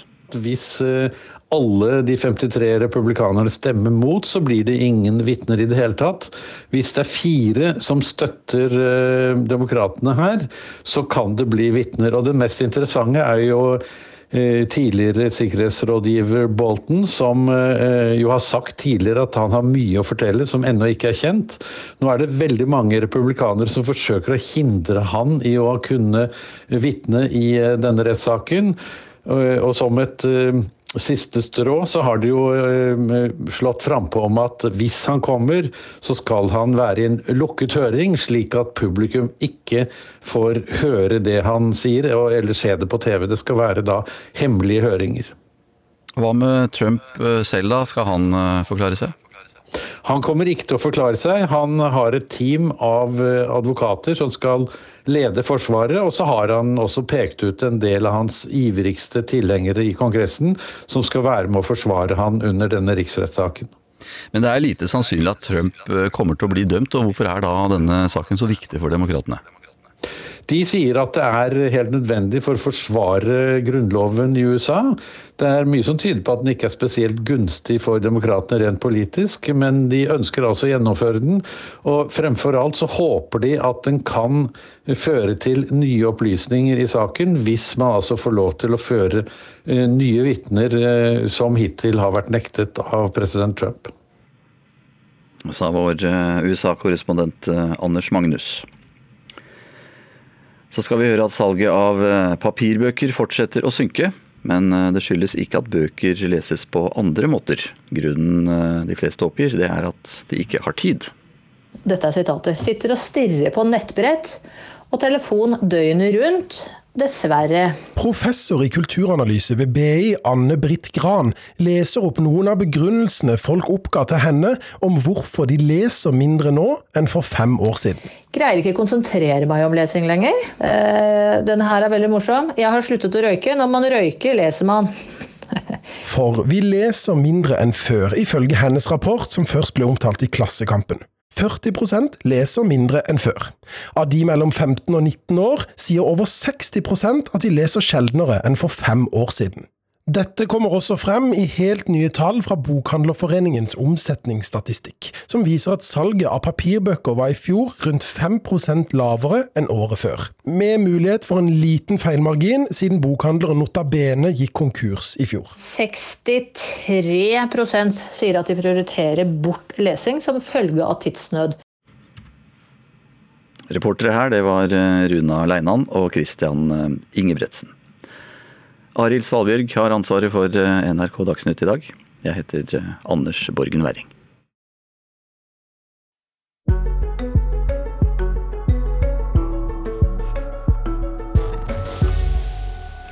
Vi har snakket om eh, nyttårsforsett litt tidligere i Nyhetsmorgen. Mange ønsker å leve mer miljøvennlig, og har derfor startet det nye året med et nyttårsforsett om å kutte i forbruket sitt. Noen vil ikke spise kjøtt, mens andre har shoppestopp. Julie Aksnes Williams i Vestland Natur og Ungdom gjør like godt begge deler. Jeg spiser eh, ikke kjøtt lenger. Jeg spiser bare fisk. Og så har jeg shoppestopp. Det vil si at jeg ikke kjøper nye klær. Jeg kjøper fortsatt f.eks. For brukte klær eller sånne ting. Eller så reparerer jeg de gamle jeg har. Julie Aksnes Williams er på butikken for å handle inn til veka. For hun er det viktig å leve mer bærekraftig. Ja, altså jeg er jo hybelboer, så da er det viktig at det ikke er for dyrt. Men at det samtidig ikke skal koste samfunnet så mye, da. Eller koste miljøet så mye. Kjøtt det skal vi ikke ha. Da må vi se på andre siden. Der har vi det. Skal vi se. Laksefilet. Julie er lederen i Vestland Natur og Ungdom. Hun er glad for at det å leve mer bærekraftig har blitt en trend, og syns det er kjekt at også vennene hennes hiver seg med. Det er nesten som om det å på en måte bry seg om klima har blitt en trend, og det er jo jeg kjempeglad for. Så det at på en måte, når jeg sier at jeg skal slutte å spise kjøtt, så slenger vennene mine seg på, eller sammen med det å ha shoppestopp, så er jo det bare en kjempefin ting. Og jeg ser at flere og flere er veldig åpne om det og snakker mye om det på sosiale medier, og det hjelper jo å spre ordet. Så ja, det er veldig, veldig fint å se. Natur og Ungdom har gått sammen med Fremtiden i våre hender og gjenbruksappen Tice for å lage en nasjonal kampanje som skal oppmuntre folk til å leve mer bærekraftig, nemlig gjennom Shoppestopp 2020. I snitt har nordmenn 359 plagg hver i klesskapet, og hvert femte plagg har vi aldri brukt. Victoria Hauk er markedssjef for appen Tice, og de har merka at det å bry seg om miljøet har blitt en trend. Begge de organisasjonene og oss ønsker jo at folk skal kjøpe mindre, eh, da det har et veldig eh, sterkt avtrykk på, på kloden. Det vi har lyst til å oppfordre folk til, er jo å tenke litt mer igjennom hva man gjør, og ta litt mer bærekraftige valg. Man trenger ikke liksom å snu seg helt rundt. Nå skal jeg ikke spise kjøpt, jeg skal ikke shoppe, jeg skal ikke fly. Men at man tar og, og nedgraderer litt det man eh, har av vaner i dag, da. I en undersøking blant nordmenn i alderen 18 til 34 år har 30% oppgitt at de vil vurdere shoppestopp i 2020. Totalt vil til sammen 16% av nordmenn vurdere shoppestopp. Eh, for å kjøpe mindre nytt, så kan man jo selvfølgelig alltid sjekke om man finner det samme brukt på Theis. Eh, og så bør man unngå spontankjøp. Og at det viktige er å sjekke lappen på, på plaggene sine, og kjøpe kvalitetsplagg som kan brukes lenger og, og vare lenger. Samfunnskritiker og skribent Espen Goffeng mener det er nødvendig å minske forbruket vårt, men er skeptisk til måten klimaforkjemperne går fram på. Eh, min bekymring er eh, måten denne bevegelsen nå forsøker å vokse videre på.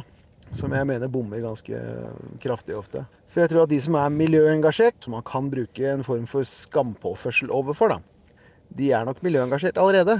De eh, som man sikter på nå for å bygge denne bevegelsen videre og få aksept for at endringer må gjøres sånt nå, det, Der, tror jeg den type, en type moralisering virker veldig mot sin hensikt.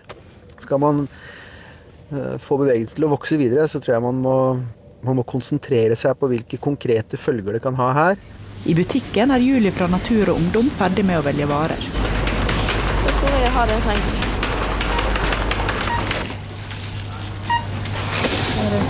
Nei, jeg har med sjøl, jeg. Ja, mange mener jo at det å spise fisk er like ille som å spise kjøtt. Men jeg tenker da er det i hvert fall ikke bra å spise begge deler. Og for min del så var det best å kutte ut kjøtt.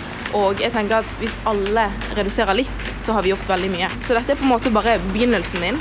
Og jeg har ikke lyst til å på en måte bare ha et nyttårsforsett der du bare kutter ut alt, og så har du det skikkelig kjipt. Jeg syns det er bedre å ta det på en måte i steg. Så da var på en måte kjøtt mitt første steg, og så får jeg se om jeg fortsetter på den ruten. da. Kanskje jeg blir veganer en gang. Reporter her, det var Emily Louisa Milan Eide.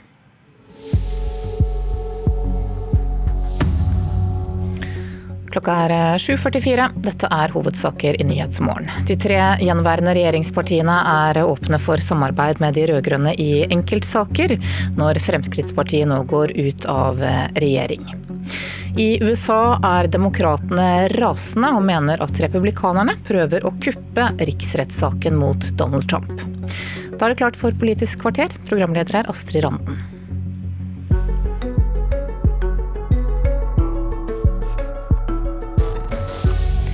Urokråka har eh, forlatt regjeringa, men blir det mer eller blir det mindre Frp-politikk etter Frexit? Sylvi Listhaug, nestleder i Frp og enn så lenge olje- og energiminister. Det første jeg lurer på er, når fant du ut at du mente at Frp burde gå ut av regjering? Nei, Jeg så med en gang at denne saken var veldig alvorlig. og Jeg skjønte det når vedtaket ble fatta, at dette kom til å skape enorme reaksjoner i vårt parti. Fordi at vi er rett og slett ikke for at vi skal hente IS-kvinner til Norge som frivillig er reist ned, tilslutta seg organisasjonen som har terrorisert, massakrert, eh, voldtatt mennesker, ødelagt massevis av liv. Eh, og da blir premiert med å bli henta tilbake til Norge.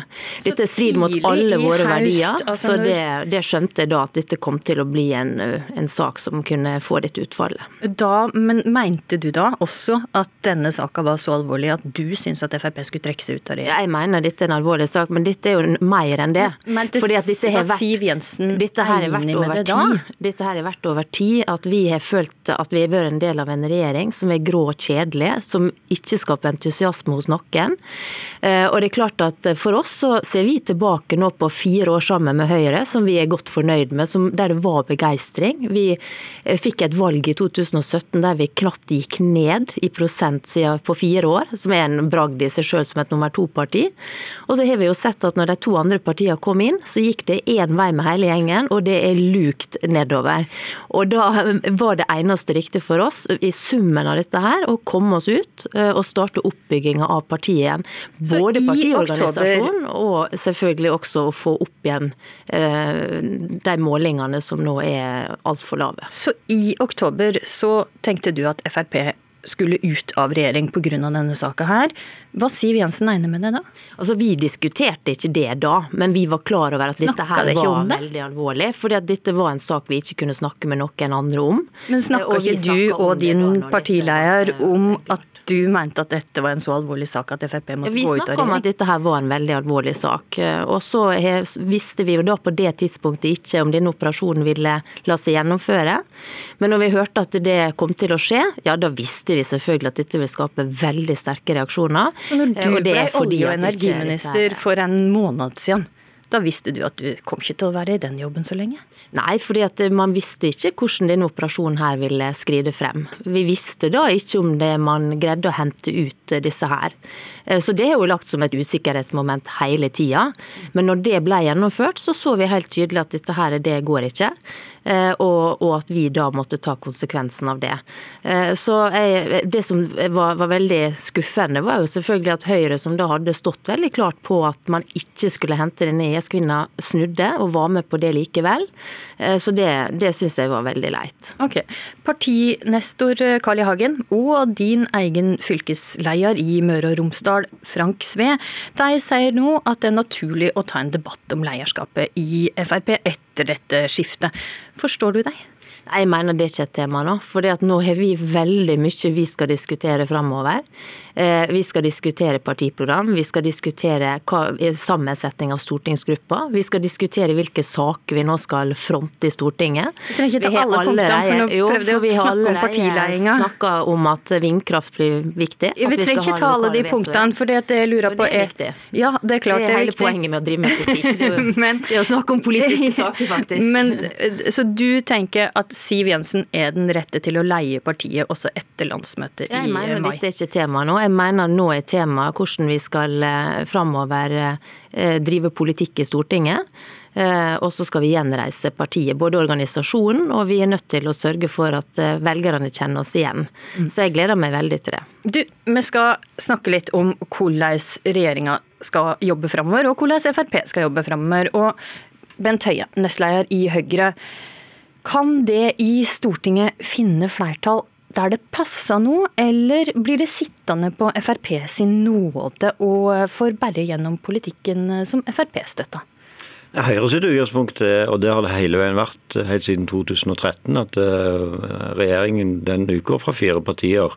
Eh, Og Det mente vi når Høyre og Fremskrittspartiet satt i regjering. Da mente vi at KrF og Venstre òg var en del av regjeringens grunnlag. Det mente vi når Venstre kom inn, og når KrF kom inn, og når Fremskrittspartiet går ut. Og Vi kommer til å styre på Granavolden-plattformen og selvfølgelig søke samarbeid med det partiet i Stortinget som vi opplever vi er mest enige med, og det er Fremskrittspartiet.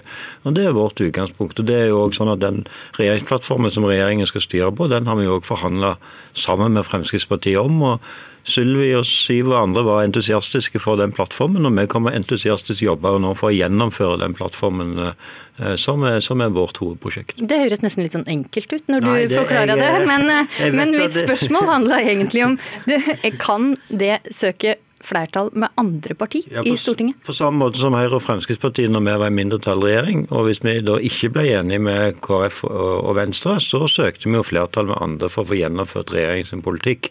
Men vi, vi prøver hele veien å få gjennomslag med det partiet i Stortinget som opplever vi er mest enige med, og det er Fremskrittspartiet. Men den store forskjellen da var at det hadde støtteparti i Stortinget. Det har det ikke lenger. Nei, altså når vi, når vi var mindretallsregjering med KrF i Stortinget, så var jo KrF veldig tydelig på at de òg var et opposisjonsparti som eh, førte KrF sin politikk. Men vi ble jo allikevel enige med KrF i de aller fleste sakene. Og så er det sånn i norsk politikk at noen saker får en bredere flertall i, og de aller fleste saker regjeringen legger fram, de får jo eh, veldig bred tilslutning i Stortinget. Så er det noen saker som kommer til å bli satt på spissen, fordi Fremskrittspartiet ikke ser at de ikke lenger føler seg forplikta av Granavolden-plattformen. og Da blir det forhandlinger, og så kan det òg være at vi òg blir flertall med andre partier. Er du skuffa over at Frp sier det ikke lenger føler seg noe forpliktelse til Granavolden-plattformen? Jeg er jo skuffa over at Fremskrittspartiet gikk ut av regjering. Jeg skulle gjerne hatt fortsatt en flertallsregjering der Fremskrittspartiet var med. Jeg synes at Vi har fått til masse eh, sammen. Vi har økt veiinvesteringene med 80% vi har redusert helsekøene.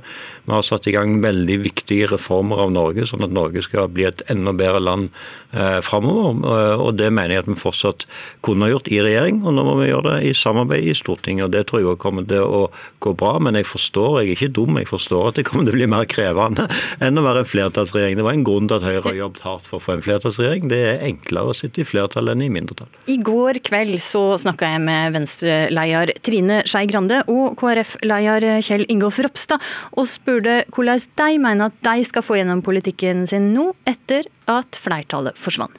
Mye kan gjøres i regjering, og så er det en del av spørsmålene som kommer til å havne i Stortinget.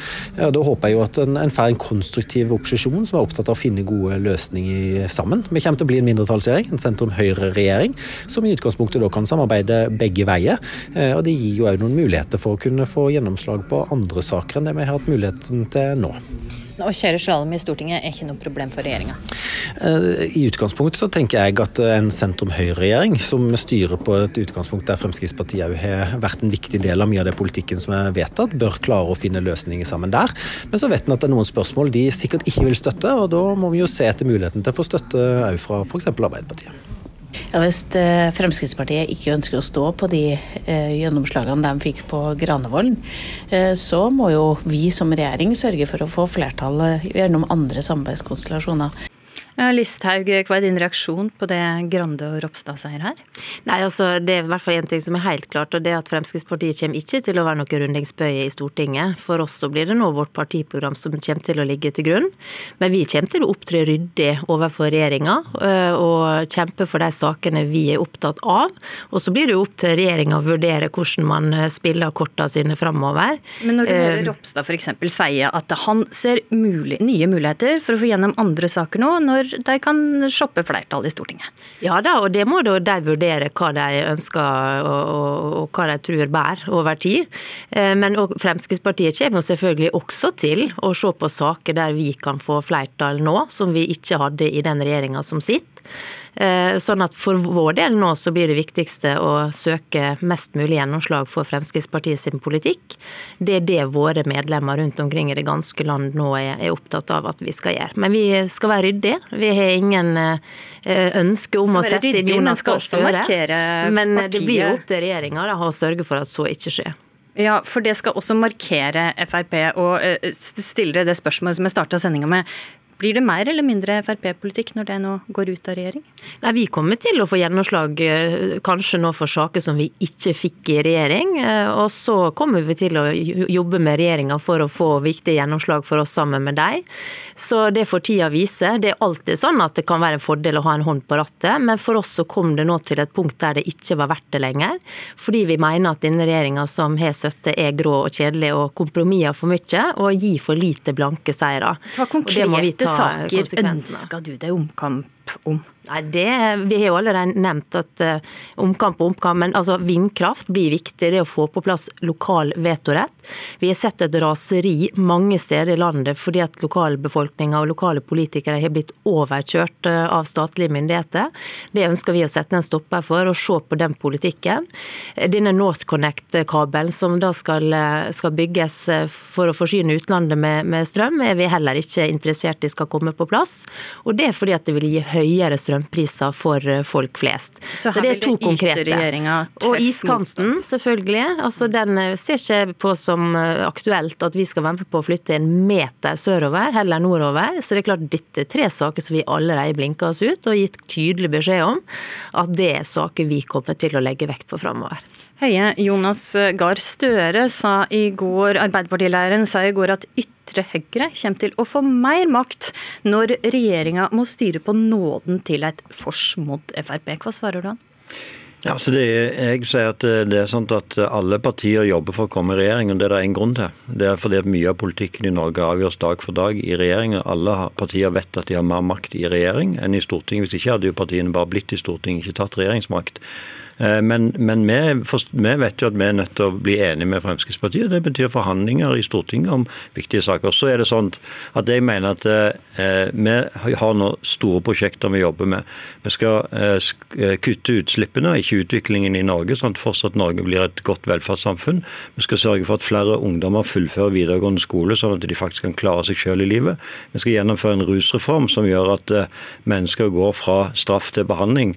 Og Hvis en mener at det er grått og kjedelig, kjedelig. Da må jeg være ganske livstrøtt. Dette er svære prosjekter eh, som handler om å gjøre Norge til et mye bedre land å bo i, og sørge for at de som vokser opp, fortsatt skal ha den samme velferden som oss, og kanskje enda bedre, selv om vi skal gjøre store endringer i det norske samfunnet. Det syns jeg er kjempespennende, og det er det som er regjeringens store prosjekt. Så når Listhaug sier at hun ikke vet om det vil bli mer eller mindre Frp-politikk nå når Frp går ut av regjering, så er du helt tydelig på at dette landet vil få mindre Frp-politikk når Frp sitter i opposisjon på Stortinget. Fremskrittspartiet vil selvfølgelig i Stortinget få større mulighet til å markere hva som er Fremskrittspartiet sine primærstandpunkt. Det vet vi jo, sånt er det jo. Men, Men men, men de mister da, jo da innflytelse på mange av de spørsmålene som avgjøres dag til dag i regjeringen.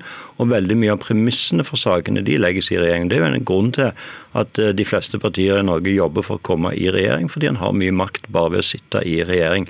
Men jeg undervurderer ikke betydningen av det som Fremskrittspartiet nå gjør, i forhold til å få markert det som er Fremskrittspartiet sine primærstandpunkt. For det er alltid en utfordring. Fordelen er makten ved regjeringen. Utfordringen er selvfølgelig at en må bli enige dag til dag med andre partier i Norge, skal en styre dette landet. Men det som er spennende, er jo det som er det helt grunnleggende, nemlig faktisk få lov til å styre utviklingen i Norge. og Det gjør en best ifra regjering og nest best ifra storting. Vi har vært tydelige hele tida på at vi skulle ikke sitte i regjering bare for å sitte i regjering, og vi kom til det punktet der vi syns vi fikk for lite gjennomslag, pluss da denne saka som virkelig gjorde at det rant over. Og da tok vi konsekvensen av det, og jeg mener det er helt riktig, og jeg vet at det er veldig mange i vårt parti som er glad og letta nå. Ok. Du, De neste dagene i norsk politikk vil bli prega av spekulasjoner om statsrådposter. Partiledelsen i Høyre hadde første møte i statsministerbostaden sent i går kveld. Og jeg regner med at du ikke er villig til å gi oss et referat derfra, Bent Høie. Men kanskje du kan svare meg på dette. Er det et mål for Høyre å redusere tallet på statsrådsposter, slik bl.a. Unge Høyre har ønska? Både Høyre og Erna som statsminister er hele veien opptatt av å eh, prøve å begrense det, på en måte den politiske ledelsen og holde det nede på det nivået som vi til enhver tid mener er eh, fornuftig, men ikke la det vokse ut. Eh, og Når en blir ett parti mindre i regjering, så gir det en mulighet for å gjøre noen reduksjoner. Men det er total det er totalbildet her som vil, vil avgjøre, og, og, det arbeidet er det som vi nå eh, er inne i. Så det blir lettere nå å redusere antall statsrådsposter når det er færre Alle partier? ser jo at det er flere partier vi har vært i regjering, det er flere eh, politikere har det vært i har det regjeringen. blitt. Nå blir vi færre, og da er det en mulighet, men vi har ikke konkludert. Er de nye statsrådene på plass før veka er omme? Vi kommer til å jobbe veldig hardt for å få dette selvfølgelig på plass så raskt som mulig, men det er for tidlig å si det nå. Takk Bent Høie og takk Sylvi Listhaug for at jeg kom til Politisk kvarter denne morgenen, som i dag var ved Astrid Randen. Nå fortsetter Nyhetsmorgen, men først Dagsnytt.